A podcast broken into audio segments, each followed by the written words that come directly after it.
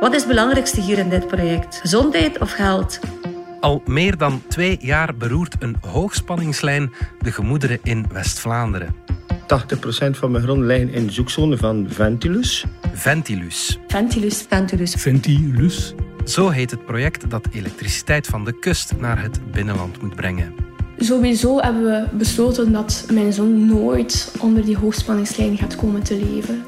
Vlaams minister van Omgeving Demir staat voor een groot dilemma. Ik vind dit echt een heel, heel, heel moeilijk dossier. Het moeilijkste wat dat eigenlijk de afgelopen twee jaar op mijn tafel ligt. Komt de bovengrondse hoogspanningslijn er of kiest de minister toch voor een duurdere ondergrondse lijn op gelijkstroom? Het is donderdag 12 mei. Ik ben Alexander Lippenveld en dit is vandaag de dagelijkse podcast van de Standaard.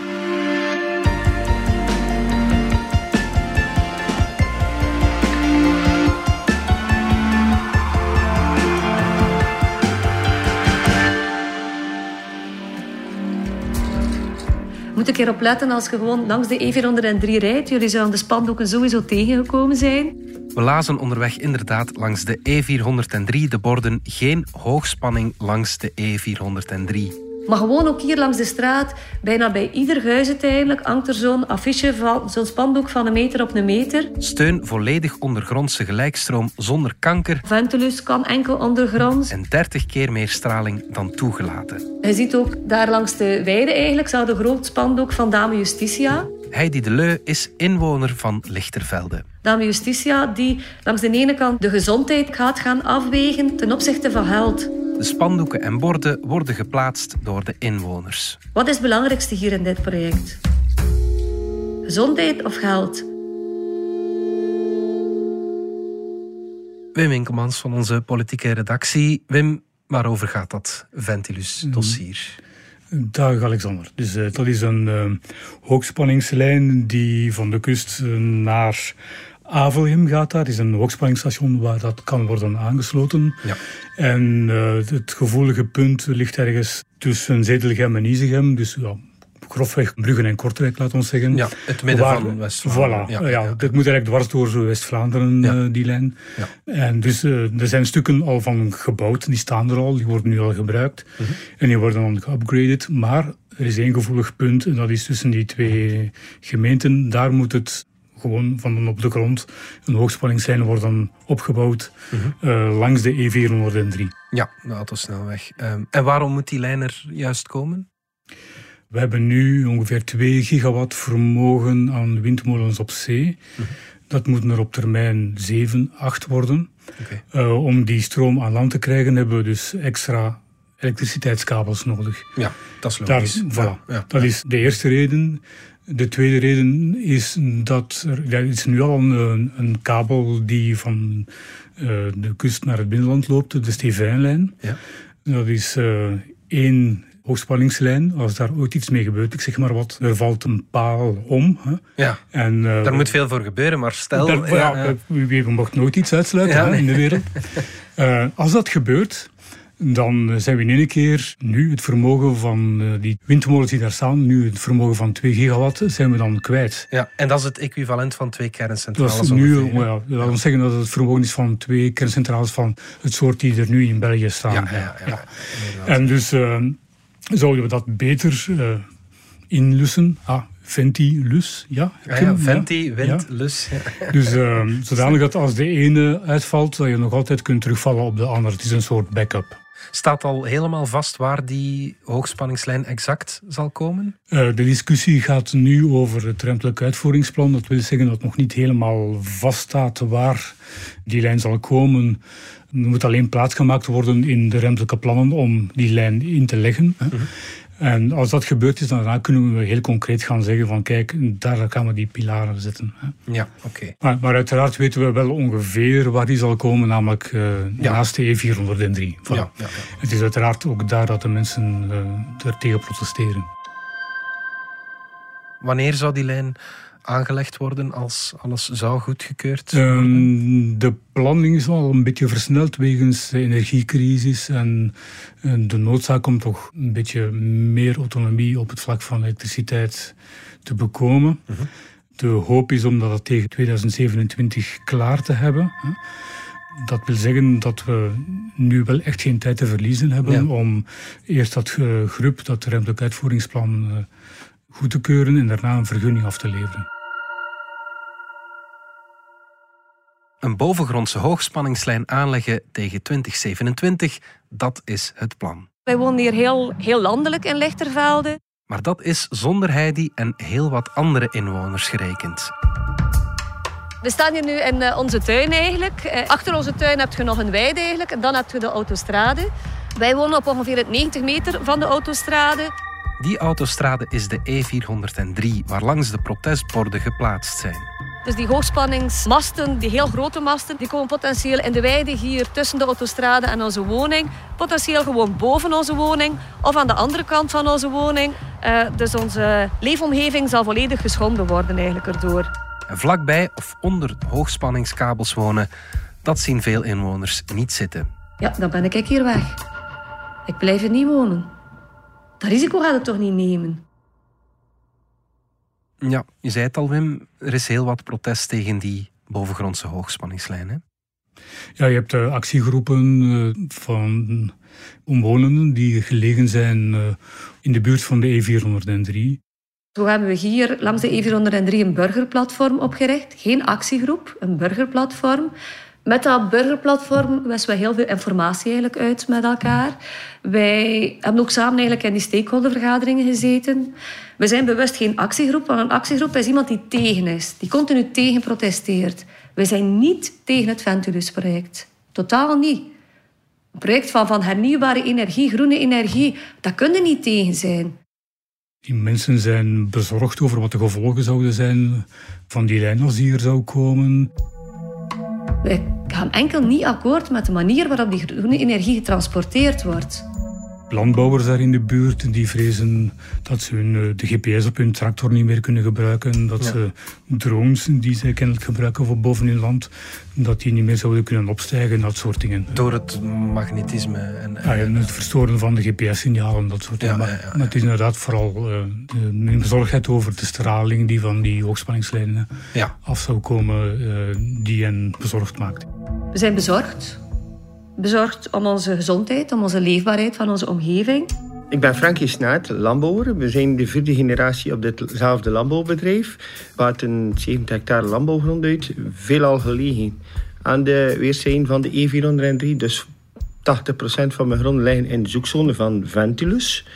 Ik heb altijd gezegd, als er komt en een van mijn kinderen wil die in dat huis dan rijd ik er door met een bulldozer. Gezondheid is toch niet te koop? Dat visueel uitzicht, maar ja, kan er nu nog mee leven. Maar de gezondheid, ziekste is het laat niet. Er is ooit een uh, statistisch verband gelegd tussen hoogspanningslijnen en kinderleukemie. Mm -hmm. Nu, voor de duidelijkheid, een statistisch verband, dat wil zeggen dat er een link is gelegd zonder dat er een kausaal verband is gelegd. Namelijk, de oorzaak is niet gevonden waarom dat die twee met elkaar verbonden zijn. Mm -hmm. Het kan even goed zijn, en ik, ik uh, zeg maar wat, dat het te maken heeft met het mest dat op, de grond, op het land wordt gebruikt. Of ik weet het niet. Ja, het is dus niet 100% zeker dat die verhoogde kans op kinderleukemie bij omwonenden veroorzaakt wordt door hoogspanningslijnen. Het is een statistisch verband, maar het is niet zeker dat het verband is ja. met de hoogspanning. Het kan ook misschien ook nog iets anders zijn. Mm. Eigenlijk is het een raadsel. Ja. Als het een raadsel is, dan mogen we, hebben we wel nog altijd een reden om voorzichtig te zijn. Hè? Ja, ja, natuurlijk. Ja, ja. Uit het voorzorgsprincipe worden ook op andere hoogspanningslijnen nu eh, maatregelen genomen om ervoor te zorgen dat er geen uh, crash of school uh, of wat dan onder een hoogspanningslijn uh, terechtkomt. Ja, want dat is het gevaarlijkste. Hè? Vlak onder een hoogspanningslijn wonen, of leven? Oké, nu ga ik dus het woord micro-Tesla moeten laten vallen. dat is geen, dat is geen klein autootje van Elon Musk. Nee, nee, nee, helemaal niet. Tesla is eigenlijk een eenheid van straling. Ja. Een mens die onder uh, die hoogspanningslijn staat, die uh, zal bij maximale belasting van die lijn ongeveer een magnetisch veld van 37 micro-Tesla ervaren. Ja dat ligt nog onder de 100 microtesla, waarop je echt fysiek acuut last kunt beginnen krijgen. Tintelingen of pijn of lichtflitsen zien, dat soort dingen. Ah ja, Dat zijn acute waarden. Het kan je kwaad om daar een keer onderdoor te lopen. Ik bedoel, als je een wandeling aan het doen bent, ik denk niet dat je daar echt veel gezondheidsproblemen kunt van krijgen. Er is ook een chronische waarde, stel dat je daar woont. Ja. Dan eh, moet je natuurlijk voorzichtiger zijn. En dan dus zeker voor kinderen. Want voor die kinderen is er vastgesteld dat er dus een statistische verband met kinderleukemie is vanaf het niveau van 0,4 microtesla. Dat is ongeveer 100 keer lager dan die 37 die er, eh, Ja. die er is. Ja. Dus ja. Maar we moeten daar voorzichtig in zijn. We weten het eigenlijk niet. Hè? En als we het niet weten, dan, moet, dan hebben we wel een reden om, eh, om voorzichtig te zijn. Ja, ja, natuurlijk. Ja. Hoe groot is die zone waaronder je dan niet mag leven? Ehm, bij maximale belasting zal dat 100, 180 meter zijn rond, eh, rond die kabels. hè. Ja, ja, ja. In de, de zone die getroffen wordt met meer dan 0,4 microtesla staan volgens Elia ongeveer 60 huizen. Dat zijn dus huizen waar eh, Elia een oplossing moet voor zoeken. Dat betekent meestal ja, dat ze de bewoners de gelegenheid krijgen om hun huis te verkopen. En Elia vergoedt hen daarvoor en verkoopt dan vaak ook die huizen nog eens door aan mensen die daar wel willen wonen. De inwoners maken zich vooral zorgen om de gezondheid van hun kinderen. Anne Dieriks is dierenarts in Lichtervelde en de mama van een zoontje van drie. Ze schreef hem onlangs een brief. Lieve zoon, het huis wat voor jou jouw thuis is, daar wordt binnenkort over beslist of leukemie een factor is die letterlijk en figuurlijk als een grote dreiging over jouw hoofd komt te hangen. Ik was zodanig kwaad dat ik op een avond dat geschreven heb. Een nieuwe hoogspanningslijn die men wil plaatsen. En niet zomaar een hoogspanningslijn. Nee, jongen. Een hoogspanningslijn zoals die in België nog nooit geplaatst is. Zo zwaar is deze. Sowieso hebben we besloten dat mijn zoon nooit onder die hoogspanningslijn gaat komen te leven. Dat, dat risico wil ik hem wil ik niet nemen. Sowieso niet. Dat, dat staat buiten kijf. Zelf zal u het niet meer weten later. Maar je was amper uit het ziekenhuis na je geboorte toen wij het nieuws vernamen dat er misschien sprake was over hoogspanningslijnen boven ons hoofd. Zowel zijn papa als ikzelf hebben alle twee ons werk en ons inkomen hier op deze plaats. Dus wij zitten daar echt 24 op 24, 7 op 7 onder. En we hebben alle twee een bedrijf die niet zo gemakkelijk te verplaatsen is. Dus het gaat voor ons een gigantische impact hebben. Maar hem daaronder laten leven, dat doen we sowieso niet. Ehm, ik wil altijd recht in mijn, mijn, mijn zoon zijn ogen kunnen kijken en zeggen: We hebben alles gedaan voor u. Ondertussen ben je al een paar maanden, drie jaar, en staan we nog steeds in het ongewisse. Maar binnenkort gaan we te horen krijgen of jouw gezondheid voorrang krijgt op het financiële of niet. De burgers hebben daarom een voorstel. Het moet ondergronds op gelijkstroom uitgevoerd worden. Dat is het eh, voorstellen van die actiegroepen, inderdaad. Dat is om de lijn ondergronds te leggen in gelijkstroom. Terwijl de, wat Elia voorstelt is een luchtlijn in wisselstroom. Er zijn een paar verschillen tussen een luchtlijn en een ondergrondse lijn. Dus de luchtlijn is altijd de wisselstroom. Ondergronds is het dan in de gelijkstroom. Een luchtlijn is over het algemeen sneller gebouwd, minder duur en betrouwbaarder. Terwijl om diezelfde lijn ondergronds te leggen, dat gaat ook langer duren. De vrees is dat dat minder robuust is, dat het makkelijker zal uitvallen. Ja, oké. Waardoor dat er reserves moeten worden eh, opzij gelegd voor het geval dat die lijn uitvalt. Hè. Dat een andere centrale dat kan opvangen. En dat is een vermogen van 1 gigawatt dat zo Ja. in reserve moet staan. Dat is ook één kerncentrale of één grote gascentrale. Ja. Maar dat, die worden niet graag gebouwd, heb ik begrepen. Ja. Inderdaad. Wim, die mensen wachten al drie jaar op een beslissing. Wie moet nu uiteindelijk de knoop doorhakken? Ja, eerst moet de Vlaamse regering eh, dat ruimtelijk uitvoeringsplan maken. Daarna moet minister De Mier de beslissing nemen over de omgevingsvergunning. Ja. Tijdens de paasvakantie heeft minister De Mier gezegd dat ze in de weken na de paasvakantie een beslissing zou nemen. Ten slotte, eh, mevrouw de minister, wil ik ook toch nog even aanhalen dat u ja, inderdaad tijdens de commissie van begin maart zei dat u al na het paasreces de Ventusknoop zou doorhaken. Carmen Rihuil van het Vlaams Belang vroeg vorige week in de commissie in het Vlaams parlement naar een stand van zaken. Ik had graag willen weten wat er nu eigenlijk in tussentijd nog wordt gedaan. Ik weet dat u met een aantal uh, mensen hebt gepraat op het werkveld. Worden er nog uh, overleggen gepland? Wacht u nog op bijkomende informatie? Want voor de mensen in West-Vlaanderen hangt er heel veel van af. En zij wachten ook wel op uw beslissing. Ja, denk je dat die beslissing binnenkort valt, Wim? Waarom duurt dat zo lang? Dat heeft ook wel te maken met uh, de peiling die we onlangs hebben gepubliceerd, ja. waarin dat uh, CD&V een zeer mager resultaat liet optekenen. Dat maakt eigenlijk dat er uh, eigenlijk alleen voor een lijn ondergronds steun zou zijn bij die CD&V-burgemeesters. Ja. Waarvan ik net heb gezegd dat daar ook wel nadelen aan verbonden zijn. Ja. ja, ja maar CD&V kan het zich nu echt niet permitteren om te zeggen van oké, we laten ook nog eens die CD&V-burgemeesters vallen en we gaan voor een luchtlijn. Ja. Want dan dreigen die mensen straks niet meer onder uh, CD&V-naam uh, te zullen opkomen. Hè. Ja, ja, Ik doe ook opmerken dat een zekere Hilde Krevits uh, uit Torhout is, vlak in de buurt. Ja, ja, ja, en dus die moet mee overtuigd worden in de Vlaamse regering om om dit eh, project eh, goedgekeurd te krijgen. Ja. Uh, ik heb ook begrepen dat CD&V er ook nog niet helemaal over op één lijn zit. Want je hebt aan de ene kant uh, die CD&V-burgemeesters ter plekke, maar je hebt aan de andere kant inderdaad zeggen, de energiespecialisten van de partij die een totaal andere visie daarop hebben. Ja, ja, ja. die overtuigd zijn dat die luchtlijn de beste optie ja, is. Voilà. Ja. En waarschijnlijk is het om die reden dat Demir het ja, toch echt wel een heel moeilijk dossier vindt. Ik vind dit uh, echt een heel, heel, heel moeilijk dossier.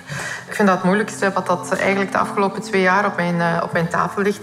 En ja, ik voel mij nog niet uh, volledig comfortabel om met een met voorstel naar de regering te gaan. Dus ik heb daar echt nog allee, geen maanden meer voor nodig, maar een aantal weken om, om dat dan ook in de schoot van de regering ook te bespreken.